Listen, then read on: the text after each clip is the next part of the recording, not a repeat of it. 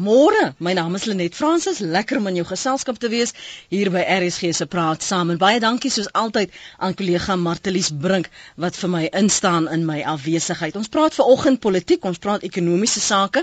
So kry jouself by jou foon of by jou rekenaar om saam te gesels. Maar voor jy dit begin doen en voor ons begin gesels, maak asseblief 'n aantekening van ons volgende debatsgesprek. Dis nou op Maandag, die 15de Oktober by die Universiteit van Wes-Kaapland se biblioteek auditorium. Dis uh, vanaf 9:00 die oggend tot om 11:00 die oggend en daarna gaan daar nou 'n privaat sessie wees vir genooide gaste en organisasies wat die gesprek verder gaan deurspreek voer. Ons gaan indringend gesels oor bende geweld. Ek weet die afgelope ruk was daar in Tafelsig, Lavender Hill, Hannover Park, um, selfs op die landelike gebiede insidente, ook sprake dat die weermag ingeroep moes word om die orde te herstel en gemeenskappe te beveilig. So dit is van die aspekte wat ons gaan bespreek, maar maak 'n punt daarvan om dit by te woon. Nie te ver die vat 'n taxi bel haar toe of uh, vat die trein na na Pentekstasie toe en van daar af of uh, IWK se stasie toe en van daar af uh, stap jy oor na die biblioteek die biblioteek auditorium van 9 tot 11:00 die oggend. 15 Oktober dis 'n maandagooggend waar ons gesels oor bende geweld. Dit sal lekker wees om jou daar te ontmoet en 'n bietjie te gesels. Nou kan ons praat ver oggend oor die ekonomiese en politieke scenario's in Suid-Afrika. Onthou, 3 maande gelede het ek met professor Andre Dievenage en Clem Sander hieroor gesels en ons het beloof dat ons in Oktober weer na die situasie gaan kyk. Intussen het ons Marikana gehad waar die kommissie se ondersoek onderweg is. Ons het die Koorman skole gehad wat gesluit is en toe weer oopgestel is. Die boeke sage wat boeke wat nie afgelewer is nie, beloftes wat gemaak is en natuurlik die laaste ruk al hierdie onsekerheid binne die vragbestuurbedryf en die mynbedryf. Waar laat dit ons? op pad na Desember, daardie leierskapskonferensie in Desember in Mangaung. Jy kan saampraat op 089 11045553. Nou jy's welkom om te verskil van my gas se menings, um, maar jy moet dit motiveer. 08911045553 maak dit op ons webblad www.rsg.co.za. Jou SMS'e die is welkom by 3343. Elke SMS kos jou R1.50. Kan ek jou ook vra as jy SMS stuur dat jy maar by kommentaar lewer nou op die program en die inhoud van die program is bietjie moeilik om as daar versoeke deur te kom om daarop te reageer of kommentaar nog op monitor. 3343 elke SMS kos jou R1.50. Kom ons gesels met professor Andre Dievenage. Hy's navorsingsdirekteur, uh, sy fokusarea sosiale transformasie by die Noordwes Universiteit. Goeiemôre professor. Môre Lenet.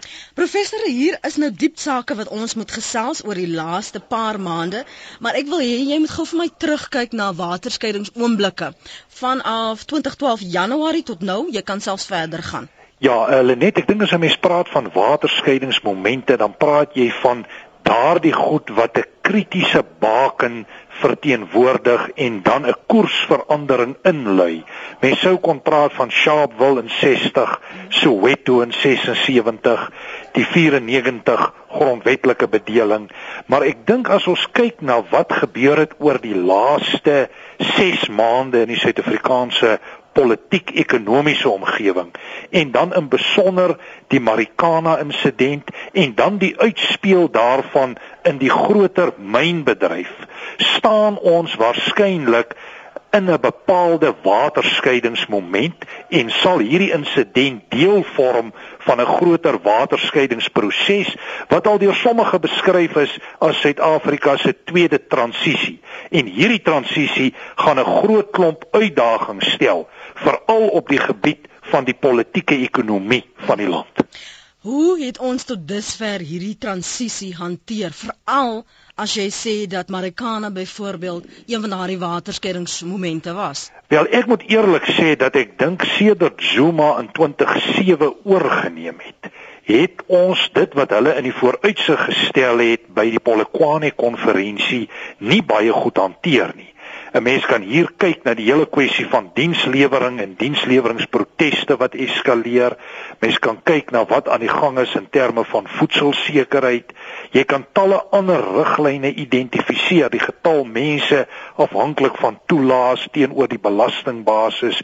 Ek dink hier's 'n reeks van uitdagings en wat ons ook sien in die politieke omgewing besig is om te gebeur, soos probleme duideliker en sterker na vore tree, sien ons al meer van die sekurokratisering of die beveiliging van die politieke omgewing via militêre en ander veiligheidsinstellings soos die polisie, die intelligensie omgewing en so meer. Ekskuus tog, ekskuus tog professor, brei 'n bietjie vir my daarop uit dat ek dit net beter kan verstaan kyk as ons vir mekaar sê dat 'n omgewing polities onstabiel raak, mm. dan kan hy nie meer op sy gewone lyne bestuur word tradisioneel nie. Goed. As ons praat van en ek wil een syfer noem, As ons kyk na die sogenaamde rebellie van die armes en die Engelse term wat hulle gebruik is crowd management incidents.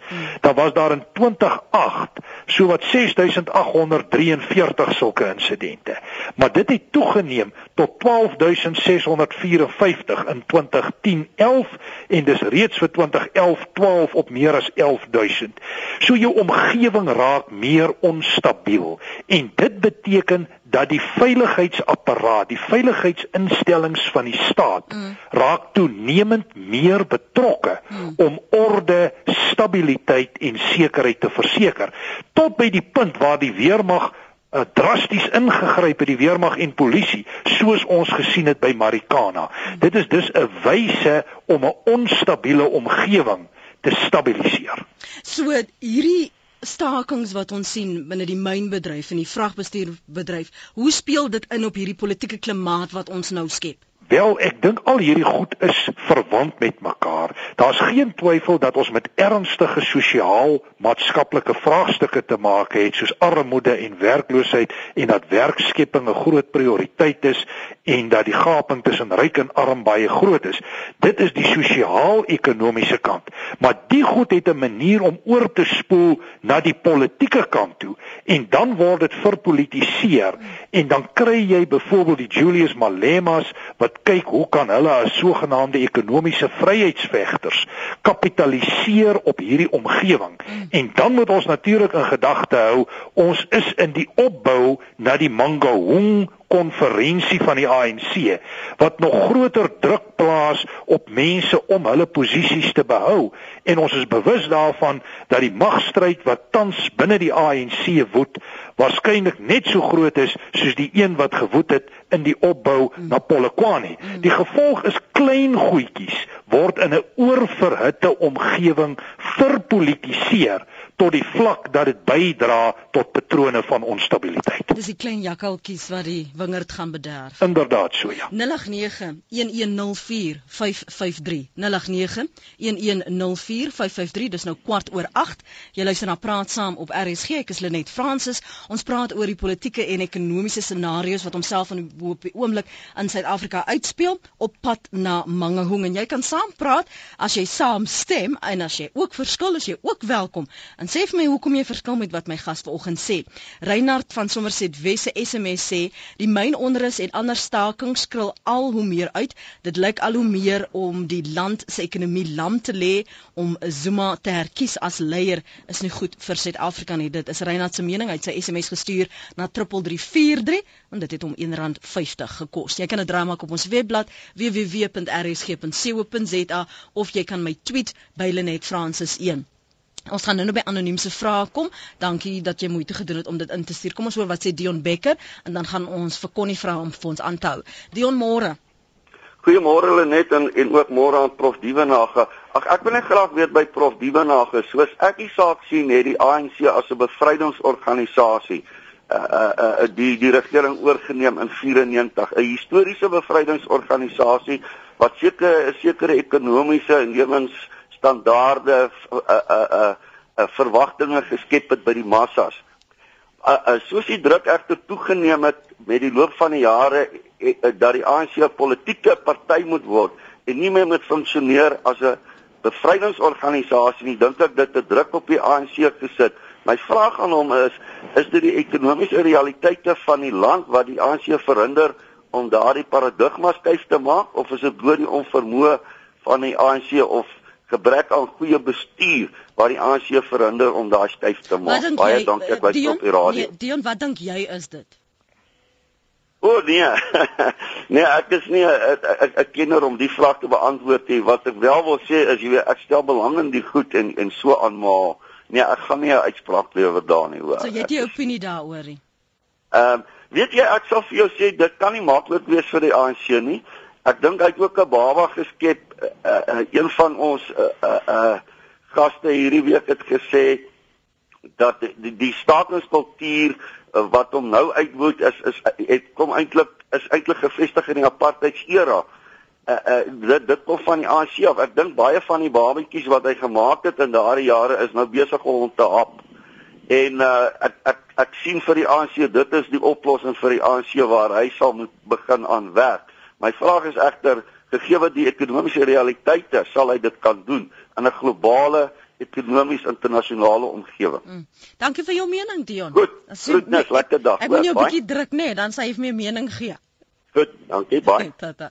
Dion Becker se se mening daar, jy kan saamgesels. Hier is 'n SMS van Piet uh, wat sê die grootste probleem lê net met ons ou volkie is dat almal wil geld hê, maar niemand wil werk nie. Kom ons hoor wat sê Connie. Môre Connie. Môre Lenet en ook aan die professor. Ja, ek wil net graag by die professor hoor in verband met ons ekonomiese situasie in die land tans. As ons kyk, uh, het ons regering 'n streng fiskale beleid wat uh, onder meer aan ons begrotingstekort in toom hou. Maar uh, bekommernis is nou Moody's, uh, da, die kredietgraderingsagentskap Moody's se besluit om om ons land se kredietgradering te verlaag. Ehm uh, as as as 'n mens nou 'n bietjie verder kyk, hierdie verlaging kan dalk uh, buitelandse beleggers wat tans by ons belê, uh, dalk uh, noop om om elders te belê. Ek hmm. my vraag is maar net aan die professor, is dit moontlik? En uh, as ons nou kyk, hoe staan ons maatskaplike bestuuring op die oomblik? Uh dink ek met moet ons nie noodwendig 'n uh, 'n uh, uh, lenings of verder aangaan. Uh kyk ons ons het nou 'n situasie waar ons uh, ook Zimbabwe wil help. Hmm. Hoe gaan dit ons verder knou? En uh, dit lyk vir my daar's soveel teenstrydige uitsprake nou op die vooraand van die van die leierskapsverkiesing dat eintlik niemand weet wat is die ekonomiese beleid van die land nie en uh, ek dink uh, dit dit gaan seker maar wag vir man gehang. Ek luister wat sê die professor. Baie dankie, Baie dankie 'n mooi dag. Totsiens Connie. Ehm um, ek gaan ek gaan van hierdie punte op op sy hou vir 'n oomblik want ek wil hê ons moet stil staan by die ANC se magstryd professor. Uh, Connie en Dion het daar aangeraak, maar ek wil net teruggaan na die ekonomiese omstandighede. Veral die impak wat hierdie stakings op die ekonomie het en natuurlik dan Moody se afre afgradering van van Suid-Afrika se se kredietgeloofwaardigheid wat dan daarin inspel. Kom ons staan eers daarby stil voordat ons praat oor die uiteinde in Mangaung. Goed, uh, net ek dink wat uh, die laaste uh, persoon wat ingebel het gesê het is baie belangrik. Die hele ekonomiese raamwerk in Suid-Afrika is tans onder druk en hy lê onder druk op verskillende vlakke. Daar is nie duidelikheid presies wat die ideologie moet wees wat hom dryf nie as gevolg van konflikte binne die raamwerk van die ANC. En dan sit ons natuurlik met 'n wêreldekonomie wat nie goed is nie. Ons verhoudinge met die Europese Unie state is myns insiens slegter as in die verlede met redelike groot implikasies vir die toekoms van direkte kapitale investering wat iets soos 80% van ons direkte investering kom uit daardie oord uit. En as ons al hierdie lyne bymekaar trek, ons kyk na die stakings in die land, ons kyk na dit wat uh, druk plaas op uh, verhoogde salarisse, soms geweld, dan is dit so dat ons eintlik in 'n baie moeilike posisie is en die een spreker het dit ook genoem dat ons gradering afwaarts aangepas is in daai sin van 'n A3 na 'n BAA1 En dit is 'n aanduiding dat geld gaan begin wegvloei uit die land uit. Ek weet daar is internasionaal kommer ook oor beleidsraamwerke. Hier dink mense aan konstant die standpunte wat mense hoor rondom nasionalisering en dan natuurlik ook die hele kwessie van die groen skrif op grondhervorming en sy uitspeel op voedselsekerheid. Al hierdie sake is faktore wat nie 'n gunstige beleggingsomgewing van Suid-Afrika maak nie. As ek miskien net vinnig kan terugkom by die eerste uh, persoon Dion se stelling van die politieke party en die bevrydingsbeweging. Ek dink dis die een van die grootste uitdagings waarmee die ANC tans te maak het. Hulle sukkel om daai sprong te maak, maar ek is ook bereid om te sê om 'n bevrydingsbeweging te wees, gee vir jou meer voordele. Jy kan in ander woorde probeer om die staat te verander soos jy wil. As jy 'n politieke party is, is jy eintlik 'n funksionaris of 'n instelling wat funksioneer binne 'n bestaande politieke bedeling. In daai sin dink ek is die dryfkrag ook in 'n sin om te probeer om die status en posisie van 'n bevrydingsorganisasie te behou, ook omdat dit internasionale kapitaal en geldvoorsiening na jou toe kan verseker veral vanuit jou skandinawiese lande. Daar is dus voordeel, maar die werklike eise van die land vereis dat die ANC die skuif maak van 'n bevrydingsorganisasie na 'n politieke party, 'n proses wat baie moeilik is en eintlik 'n transformasie in eie reg veronderstel. Is daar sekere aspekte of in binne sekere sektore waar hulle tog daarin slaag om om daardie oorgang te maak of is dit alles net een groot flop? Ek sal nie sê dit is alles net een groot flop nie. Ons sien dat hulle wel ook funksioneer as 'n politieke party en 'n mens kan dit duidelik sien hmm. tydens verkiesings. Ja. Jy kan dit sien aan die manier hoe steun georganiseer en gemobiliseer word. Maar nou as jy kyk na die samestelling van die Broad Church, dan vra jy vir jouself af, waar kom strukture soos die MK veterane vandaan? Waarom is daar opleidingsprogramme vir die jeug? Die rol wat die ANC dus speel is 'n baie breër en 'n groter rol as die van 'n politieke party en dit beteken vir hulle bepaalde strategiese politieke en ander voorbeelde. Maar Lenet, jy is reg, hulle speel ook die rol van 'n politieke party, maar die bevrydingsbeweging lyn gaan breër as net dit. Kom ons hoor wat sê Leon Burger en Andre in Johannesburg. Hulle hou al vir ons aan. Leon Moore Word hulle net uh, en jou geëerde gas daarso. Ek sou graag 'n mening wil wag van hiervan na vorentoe. Mm.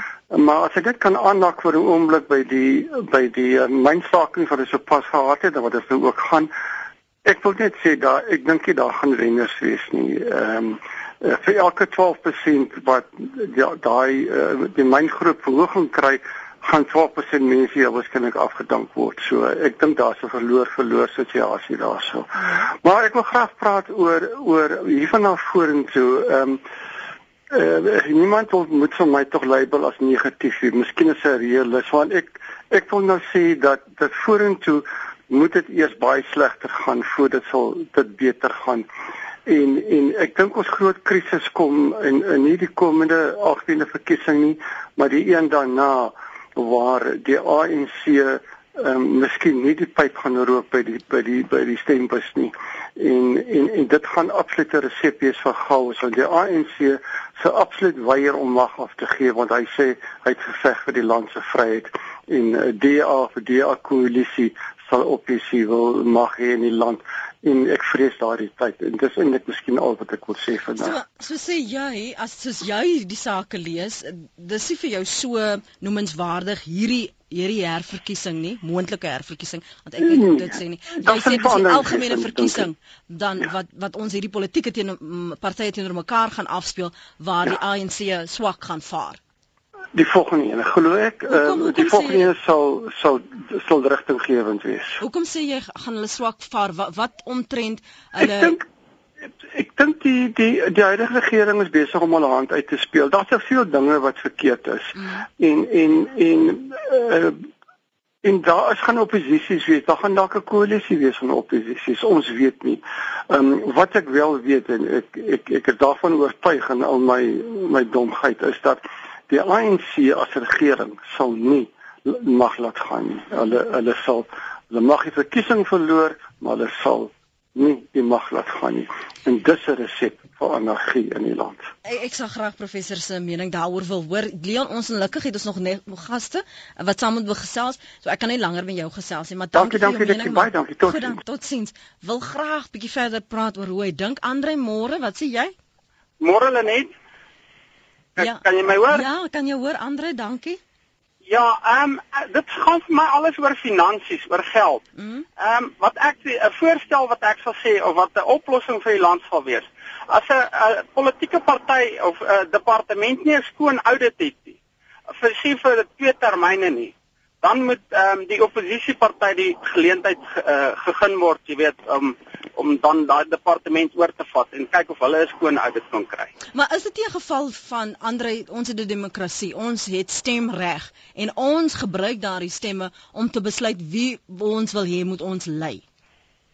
Ja, dit uh, maar uh, kyk ons almal het 'n stemreg en soos wat die uh, nou daar's 'n minderheid mense wat ook 'n reg het uh verdienste en goed. Mm. En uh jy weet ek sê net as daai departement korrup is, uh, gee die ander departement die geleentheid en en dit is waar Rolf Meyer hulle en Klerk hulle daardie dit moes gedoen het, jy weet. Mm. Ehm um, toe hulle ehm um, die oorgang gemaak het, toe moes die oorgang tydperk nie net vir 2 jaar gewees het nie. Mm. Hulle moes internasionale mense gekry het laat hulle die finansies of die tesorie gehanteer het, jy weet, en gesê het, okay, jy weet vir 15 jaar. Ehm um, en kyk, laat die departemente skoon audit sê, jy weet, uh, en laat hulle dan opgelei word. Maar op die oomblik van die dag, op die einde van die dag, die mense kry geld wat hulle na polisie mm, mm, mm. En ehm um, jy weet ehm um, uh, dit is net nie 'n wen-wen situasie nie. So hoe hoe stel jy voor, wat dink jy? Hoe raak ons ontslaa van van daardie korrupte departemente of amptenare wat net so wil pap skep? Jy weet ou kan na kyk, ehm um, jy weet hulle stel mense aan ehm um, om om uh, werk te verrig of ehm um, kommissies aan 'n kommissie hier en 'n kommissie daar. Ek sê sê jy weet uh as as uh, as as om die probleem op te los, moet die sê byvoorbeeld die DA of uh, enige ander party uh, moet hulle die geleentheid gegee word om daai departement oor te neem. En daai mense basies uh, vir 2 jaar, miskien moet hulle uh, wat wat kan gebeur is dat hulle hand aan hand saam met mekaar werk, jy weet, en dan na daai 2 jaar tydperk, jy weet, die party wat nou die meerderheid is, jy weet, laat hulle dan weer aangaan. Is laat daar, jy weet, laat laat die mense ehm um, opgelei word want vir my gaan dit oor opleiding. Die mense is nie basies opgelei om die werk te kan doen nie. Goed dan. Dankie vir die saamgesels. Lekker dag vir jou. Hoe hoe kry mense dit reg? Want dit is mos nie net 'n enige regeringsstelsel as ek nou nie 'n goeie job doen dan sê ek, "Oké, okay, kom ek gee vir jou 'n kans. Kom ons kyk of jy beter gaan doen." Daar sekerre prosesse. Wat kan ons as burgers doen? Hoe raak ons deel van hierdie prosesse, professor Dievenage, om te verseker dat wie in ons verteenwoordig of wie die werk doen is bevoeg om dit te doen? Lenet ja, ek dink daar is 'n paar lyne wat 'n mens kan loop om na antwoorde te soek. Ja. Die een lyn is om 'n meer kliniese onderskeid te tref tussen politieke prosesse en die administrasie mm. en die bestuur. Finansies het baie te maak met die bestuursadministratiewe kant. En vir my is dit kernbelangrik om hierdie goed buite die politieke omgewing te probeer definieer en dit sover as moontlik apart te hanteer in terme van die ou Woodrow Wilson beginsel van die onderskeid tussen politiek en administrasie. Dis die een lyn wat ek dink kernbelangrik is. Op hierdie oomblik sien ons te veel politieke beïnvloeding op uh, die terrein van bestuur en administrasie. Die tweede lyn is die punt wat julle ook aangeraak het en dit is dat die burgery sterker betrokke moet raak. Hulle moet hulle self organiseer. Hulle moet hulle self mobiliseer. Nou weet ons op hierdie stadium is daar al en dit was so 2 jaar terug 300 iets in die 30 belastingbetalersverenigings ja. wat hulle self organiseer en mobiliseer om juis daar druk uit te oefen. 'n Ander lyn sou wees om mense doelmatig op te lei vir hulle poste, want ek dink in baie gevalle sit daar mense in posisies wat nie behoorlik opgelei is nie. So ek sou die antwoord op daardie drie lyne gaan soek. Hmm. Johan, dankie dat jy vir my aanhou môre. Goeiemôre, Lene. Ons luister na jou. Ja, ehm um, ehm um, ek het 'n interessante vraag maar ek sal daarby kom. My ek gaan jou eers my opinie gee. Mm -hmm. my, my opinie is dat ek is nie oortuig huidigelik die ANC doen goeie werk wat betrekking tot die politiek-ekonomiese standvastigheid in Suid-Afrika betref. Mm. Hè? Nou, my uh, my bekommernis is dit as 'n besigheidseienaar staan ek voor die deur om besluite te moet neem in die nabye toekoms uh al dan ek in Suid-Afrika gaan aanbly, my besigheid hier gaan verder bedryf en of ek gaan pak en my besigheid iewers anders gaan bedryf. Mm. Ehm um, so so ek wil graag jou gas vra uh as dit uh enigstens geoorloop is om om uh die vraag te antwoord, miskien of uh miskien raad te gee. Ons as besigheidseienaars in Suid-Afrika, ons het verskeidenheid van alle groepe wat vir ons werk wat waarom ons uh, redelik bekommerd is. En dit is 'n baie moeilike besluit om net te sê goed die ekonomie draai nie na my sin as besigheidseienaar hierso nie. Ek sit nou hier aan ek het nou die die geleentheid gehad om te gaan studeer en ek kan nou 'n paar goeie besluite maak volgens my eie opinie. Uh ek maak deure toe en 2500 mense of 100 mense of 25 mense of selfs 3 mense maak nie saak wat die grootte van die besigheid is nie sit sonder inkomste sit sonder 'n werk omdat uh, ek nie 'n toekoms verder sien soos dit heidaglik bestuur word nie Kom ek hoor vra hom om kommentaar daarop te lewer want dis 'n gesprek wat ek en hy verhoor gehad het Johan. Dankie vir well, okay. Ja, dankie. Luister verder met die radio asseblief. Kom ons praat oor oor daardie realiteit wat ek vir jou ook gesê het. Waarheen is ons dan op pad en as jy dan praat oor ekonomiese groei of stabiliteit, hoe gaan jy dit skep? Ja, as ek hier kan kan kan reageer, ek dink hier's op die oomblik twee selfs konflikterende lyne binne die groter regerende ANC. Die een lyn is die Trevor Manuel lyn in terme van die nasionale ontwikkelingsplan wat ek dink 'n uitstekende ontwikkelde plan is en as mens dit behoorlik kan implementeer, dan is dit 'n raamwerk vir groei, dis 'n raamwerk vir sosiale stabiliteit en so meer. In daardie omgewing dink ek dit kan belangrik wees om jou besigheid en jou maatskappy hier te hou en selfs verder te ontwikkel. Maar daarteenoor sit ons met 'n baie sterk populistiese lyn wat sterker beweeg in terme van die denke ten opsigte van nasionalisering, die hele kwessie van versnelde grondhervorming en so meer. En sou daardie lyn vorentoe baie sterker manifesteer in die politieke omgewing, dan dink ek dit hou groter risiko's in. My hoop op hierdie stadium is dat die Trevor Manuel uh, ontwikkelingsplansbenadering die deurslaggewende een gaan wees en dat hy waarskynlik vir die volgende 4 tot 5 jaar die rigting sal mm, mm, aangee mm. en bepaal in die politiek. Maar by die Mangaung konferensie kan daar besluite geneem word op 'n ander lyn en ek is reeds bewus van 'n groot onsekerheid wat bestaan by eienaars van maatskappye en besighede en daar is ook tendense wat daarop dui dat mense sal verkies om die land te verlaat gegee die onsekerhede en dit hang saam met die ekonomiese afgradering waarvan ons vroeër gepraat het. Christie, jy wil praat oor ons uh, ekonomiese kultuur.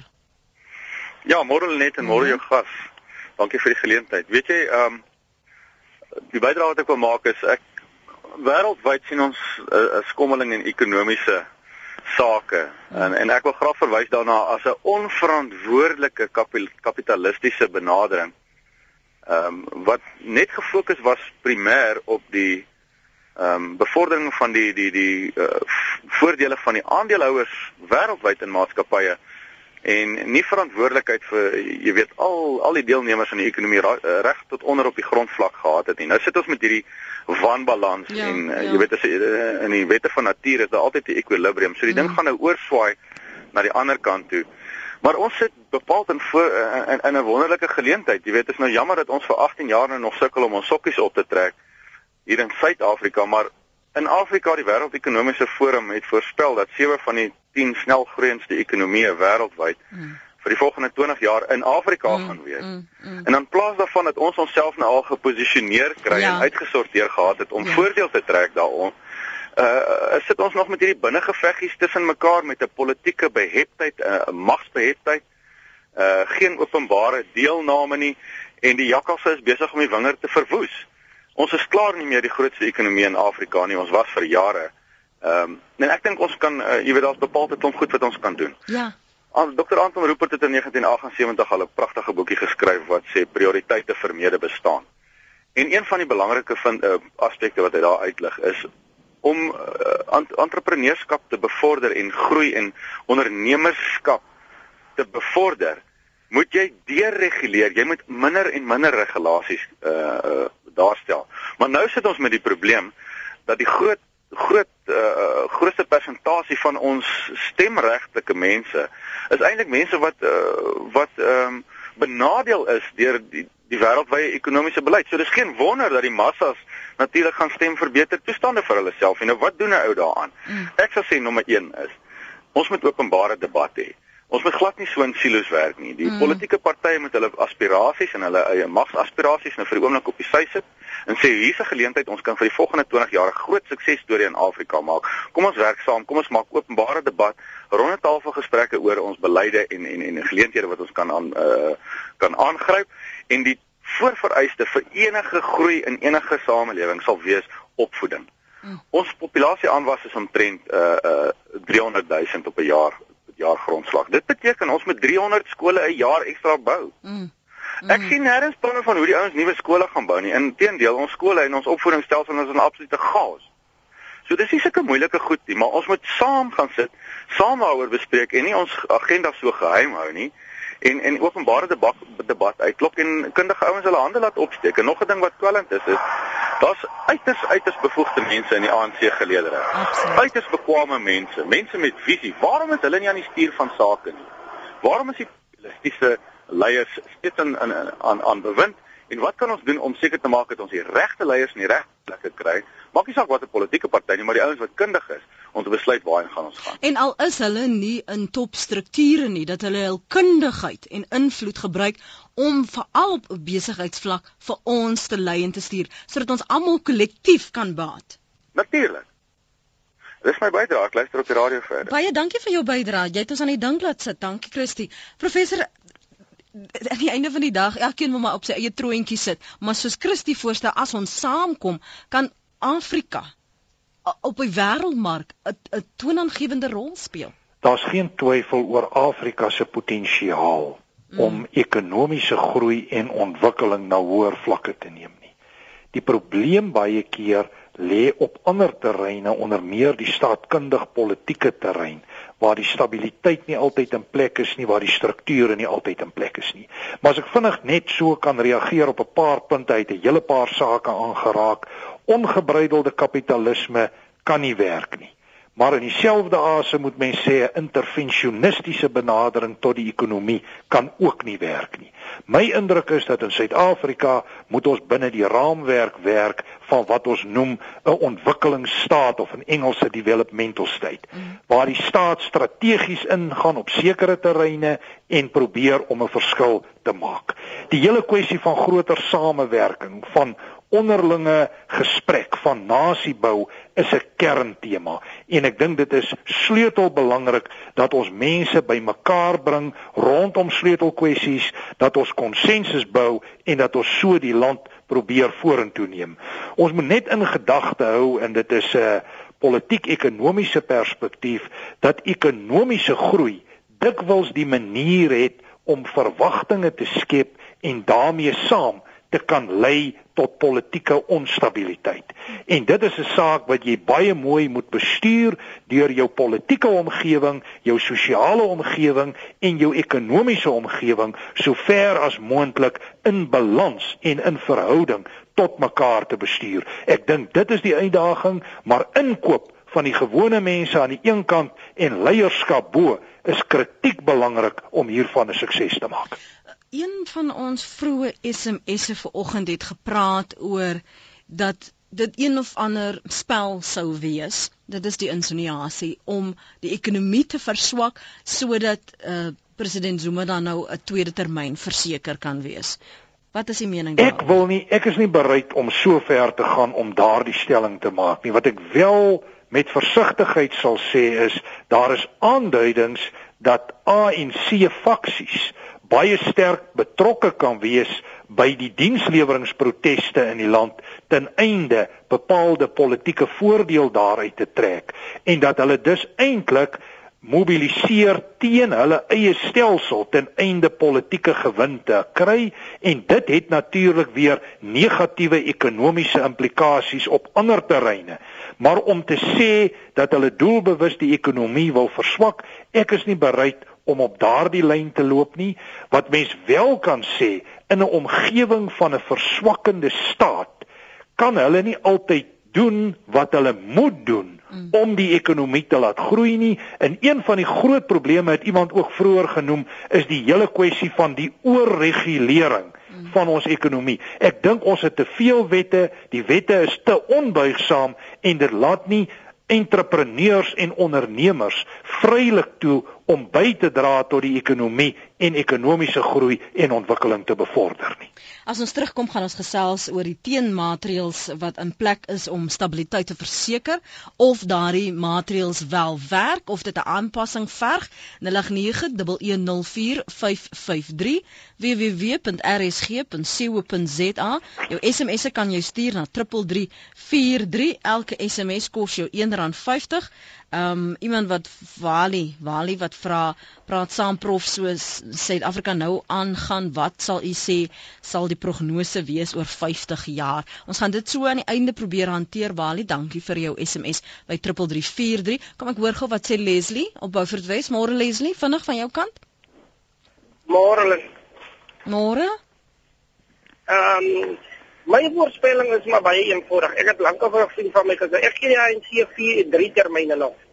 Eerstens, die probleem wat gaan begin is Zuma het gesê vroeër voordat hy president geword het, hy wil 'n een termyn president word. Na sy verkiesing het sy storie verander. Die tweede ding is die ANC se finansiële beleid. Raak nie die rykers nie. Dit raak net die armes. Kom ek gee jou 'n voorbeeld. Uh as jy kyk na die lenings wat uitgeneem word, dit word 90% deur armes uitgeleen. Die kapitaal daar wat terugbetaal word, is ten minste meer as die helfte op dit wat jy geleen het. Koop jy goed op skuld, byvoorbeeld meubels, dan betaal jy ook meer as die helfte van wat die waarde is terug. En die massas is nie tevrede met hom basies. As jy gaan kyk na munisipaliteite se finansiële beleid deesdae, hulle probeer so gou as moontlik wegkom van die vernietkrag in water wat hulle gee. Kyk, George is 'n goeie voorbeeld daarvan. Dit dit raak te duur vir hulle om dit te kan bekostig en die base en die basiese ou wat belasting betaal, hy word minder. Hy word ouer, hy word minder. Dit gaan oor jou stakings, jou stakings nou in die finansiële in die in die mynsektor. Laat net jy al die moeite. Maar stuur vir my 'n payslip. Wie wie se payslip moet ek stuur? Nee, vra het, het jy al vir een van die ouens wat nou slaap in die myne? O, ek hoor nou. Jy het hulle gevra stuur 'n payslip. As jy hulle as jy daai salaris moet nagaan, dan is die staking onnodig. En waarom ek nou sê hy's onnodig is omdat die meeste van van die man se salaris bestaan uit bonusse uit. Jy kan nie vir 'n bonus werk en dit is wat Ja, Leslie, jy weet ek is net versigtig dat 'n mens oor ander mense se geld sake praat en sy of oor enige mense sake praat, dan sy ons in hulle Nee, nee, skoene ek bedoel, ek staan. gaan nie oor die geld praat nie. Uh-huh. Dit gaan oor hoe die salaris bepaal word. Ek hoor jou. Hoe dit En- saamgestel en word. Dit is hoe dit bepaal word en op die einde van die dag kom dit daarop neer dat jy werk meer vir 'n bonus as wat jy 'n salaris het. Goed. Leslie, En en en die massa raak ongelukkig daaroor. Ja. En niemand doen iets aan nie. Nou gaan hulle strate toe, hulle brand. En manga hongers om die draai. Iemand moet verkies word. So uh, almal moet gelukkig gehou word. Die staking gaan nie regtig baie vinnig op nie, nee. goed Leslie, dankie vir die saampraat daar vanaf Beaufort West. Lekker om van jou te hoor. Kortliks sê Ubuntu wêreldwyd raak ekonomieë meer sosialisties omdat onverantwoordelike geldbehepte CEO's en kapitalistiese vrye markte die nommer 1 oorsaak vir die globale ekonomiese krisis is. Dit is tyd om vir Malema te luister en ons almal saam te staan en dan sal almal beter lewens hê. Daar is natuurlik uiteenlopende menings daaroor ook. Professor, uh, voor ons uh, vir jou vra om vir ons 'n opsomming te gee, sê net gou vir my wat is die die bestaande teenmaatreëls wat in wel in plek is om hierdie situasie te bestuur en dink jy dit werk? Wel, ek dink hier's 'n groot aantal teenmaatreëls. Dit hang natuurlik af op watter terrein jy werk. As ons vinnig praat van die sosiale omgewing, dan weet ons daar's omtrent 15 miljoen mense wat maatskaplike toelaa ontvang. Ons weet van verskillende projekte van bemagtiging en opheffing om te kyk hoe jy ontwikkeling en groei en so meer kan bevorder. Dan as jy kyk na die ekonomie, dan is dit belangrik om te sê dat ons 'n redelike streng fiskale beheer het op die ekonomie. Wat wel so is, is dat die ekonomiese paradigma op hierdie stadium besig is om te skuwe meer in die rigting van 'n ontwikkelingsstaatsgerigtheid waarin die staat groter deelname en intervensie vra op geïdentifiseerde terreine veral in terme van hulle kernprioriteite en dan wanneer dit kom by die politieke omgewing daar moet 'n mens sê dat die grondwet is nog steeds 'n rigtinggewende dokument ons het die oppergesag van die reg ons kyk na sake soos 'n vrye media. Hier is jou balanseer instrumente op daai vlak.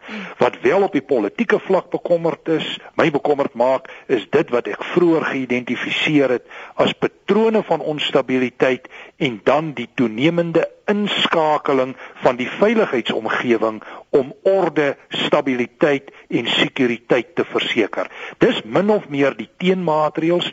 Hoe goed dit altyd werk, daaroor kan ons vra vra. Die ekonomie is in 'n afwaartse siklus.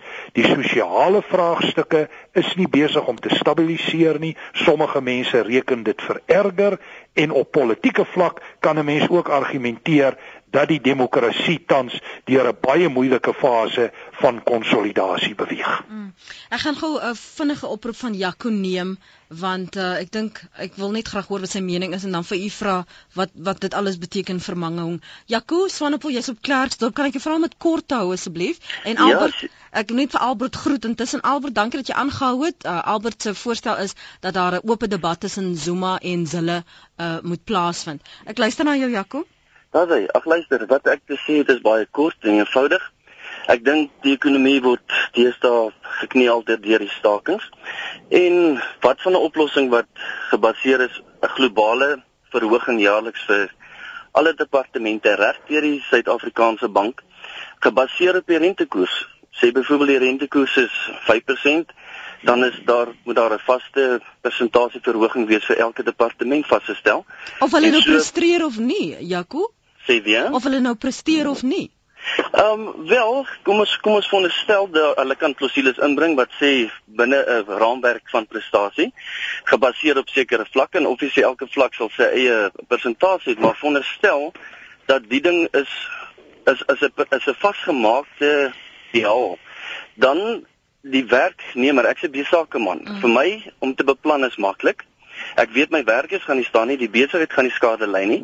Dit skep billik stabiliteit vir Suid-Afrika se ekonomie en ek glo dit kan aantreklikheid wees vir beleggers as daar sekuriteit en en 'n uh, bietjie meer van standvastigheid wees. Dit is my my hmm.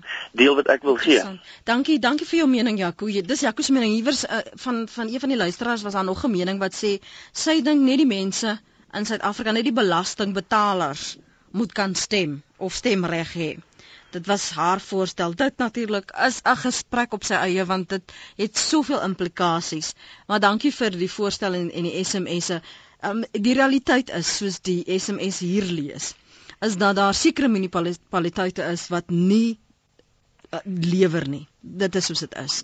Ek smeek jou, noem net die hele gemors in Senekal geen water vanaf 8 Augustus. Munisipaliteit antwoord geen fone en deure is gesluit en die munisipaliteit se rekeninge moet betaal word. So baie kundige mense sit sonder werk. Dit is hoe die situasie is. Wat wat wat doen ons omtrent dit want as jy nie jou gesin aan die gang kan hou nie, die botter en brood kwessies, as dit nie aangespreek word nie, dan kan jy maar al hierdie wonderlike planne hê maar as jy 'n uh, die 'n restless nation het en aanhalingstekens mense wat ongeduldig raak, kan dit net swak en slegte dinge voorspel professor. Ja, ek is bevrees dat van die komponente wat hier op mekaar inwerk eintlik 'n bose kringloop skep. Ja. Aan die een kant sit jy met ekonomiese verwagtinge wat lei tot politieke onstabiliteit en onstabiliteite wat weer die ekonomie inhibeer en die gevolg is dat mense se posisie nie werklik verbeter nie. In daai sin het jy met 'n bose kringloop te maak, maar hier's nou 'n klomp goed op tafel geplaas. Ek wil net vinnig uitkom by die een punt wat die persoon genoem het oor die hele kwessie van pas salarisse aan ooreenkomstig bepaalde ekonomiese kriteria. Die moeilikheid met die huidige mynstakings is dat hulle juis onwettig is. Daar was bestaande ooreenkomste en die ooreenkomste is verwerp. So die moeilikheid is, hier alle partye skik hulle nie altyd na die reëls nie. Om te argumenteer dat net belastingbetalers die reg het om te stem, ek dink nie dit sal baie goed afgaan nie want dan omtrent 6 miljoen mense uit ek wil amper sê 60 miljoen mense omtrent 'n tiende het stemreg. So dit sal redelik moeilik gaan om daai lyn te hanteer. Maar die feit bly bestaan dat die politieke ekonomie van die land op die stadium nie baie gunstig is nie. Ek is bereid om te sê op 'n grafiek af sedert 96 is ons by 'n laagtepunt, maar te gelyk is dit ook 'n geleentheid om konstruktief hierop in te speel, om te kyk waar kan jy 'n verskil maak, om met die staat in gesprek te, uh, te gaan, om te kyk hoe kan jy in jou eie plaaslike omgewing 'n positiewe verskil maak. Professor, ongelukkig, soos altyd, is daar nie meer genoeg tyd om hierdie kwessies reg deur te trap nie. Baie baie dankie vir u bydrae vanoggend. Daar is aspekte van wat ek nog in die toekoms graag verder met u wil gesels spesifiek miskien hier in November oor politieke sluipmoorde as ons net die laaste paar jaar daarna kan kyk afgelope jaar en natuurlik die geskiedenis daarvan hier in Suid-Afrika. Um, so ek gaan weer 'n afspraak met u maak. Baie baie dankie vir u tyd vanoggend op praat saam. Baie dankie Lenet. Lekker dag verder. Dit was professor uh, Andre Duvenage, navorsingsdirekteur. Sy fokusarea is sosiale transformasie by die Noordwes Universiteit en ek gaan DV in November as ons nog almal hier is en aan die gesels is vir hom weer nooi om verder te praat.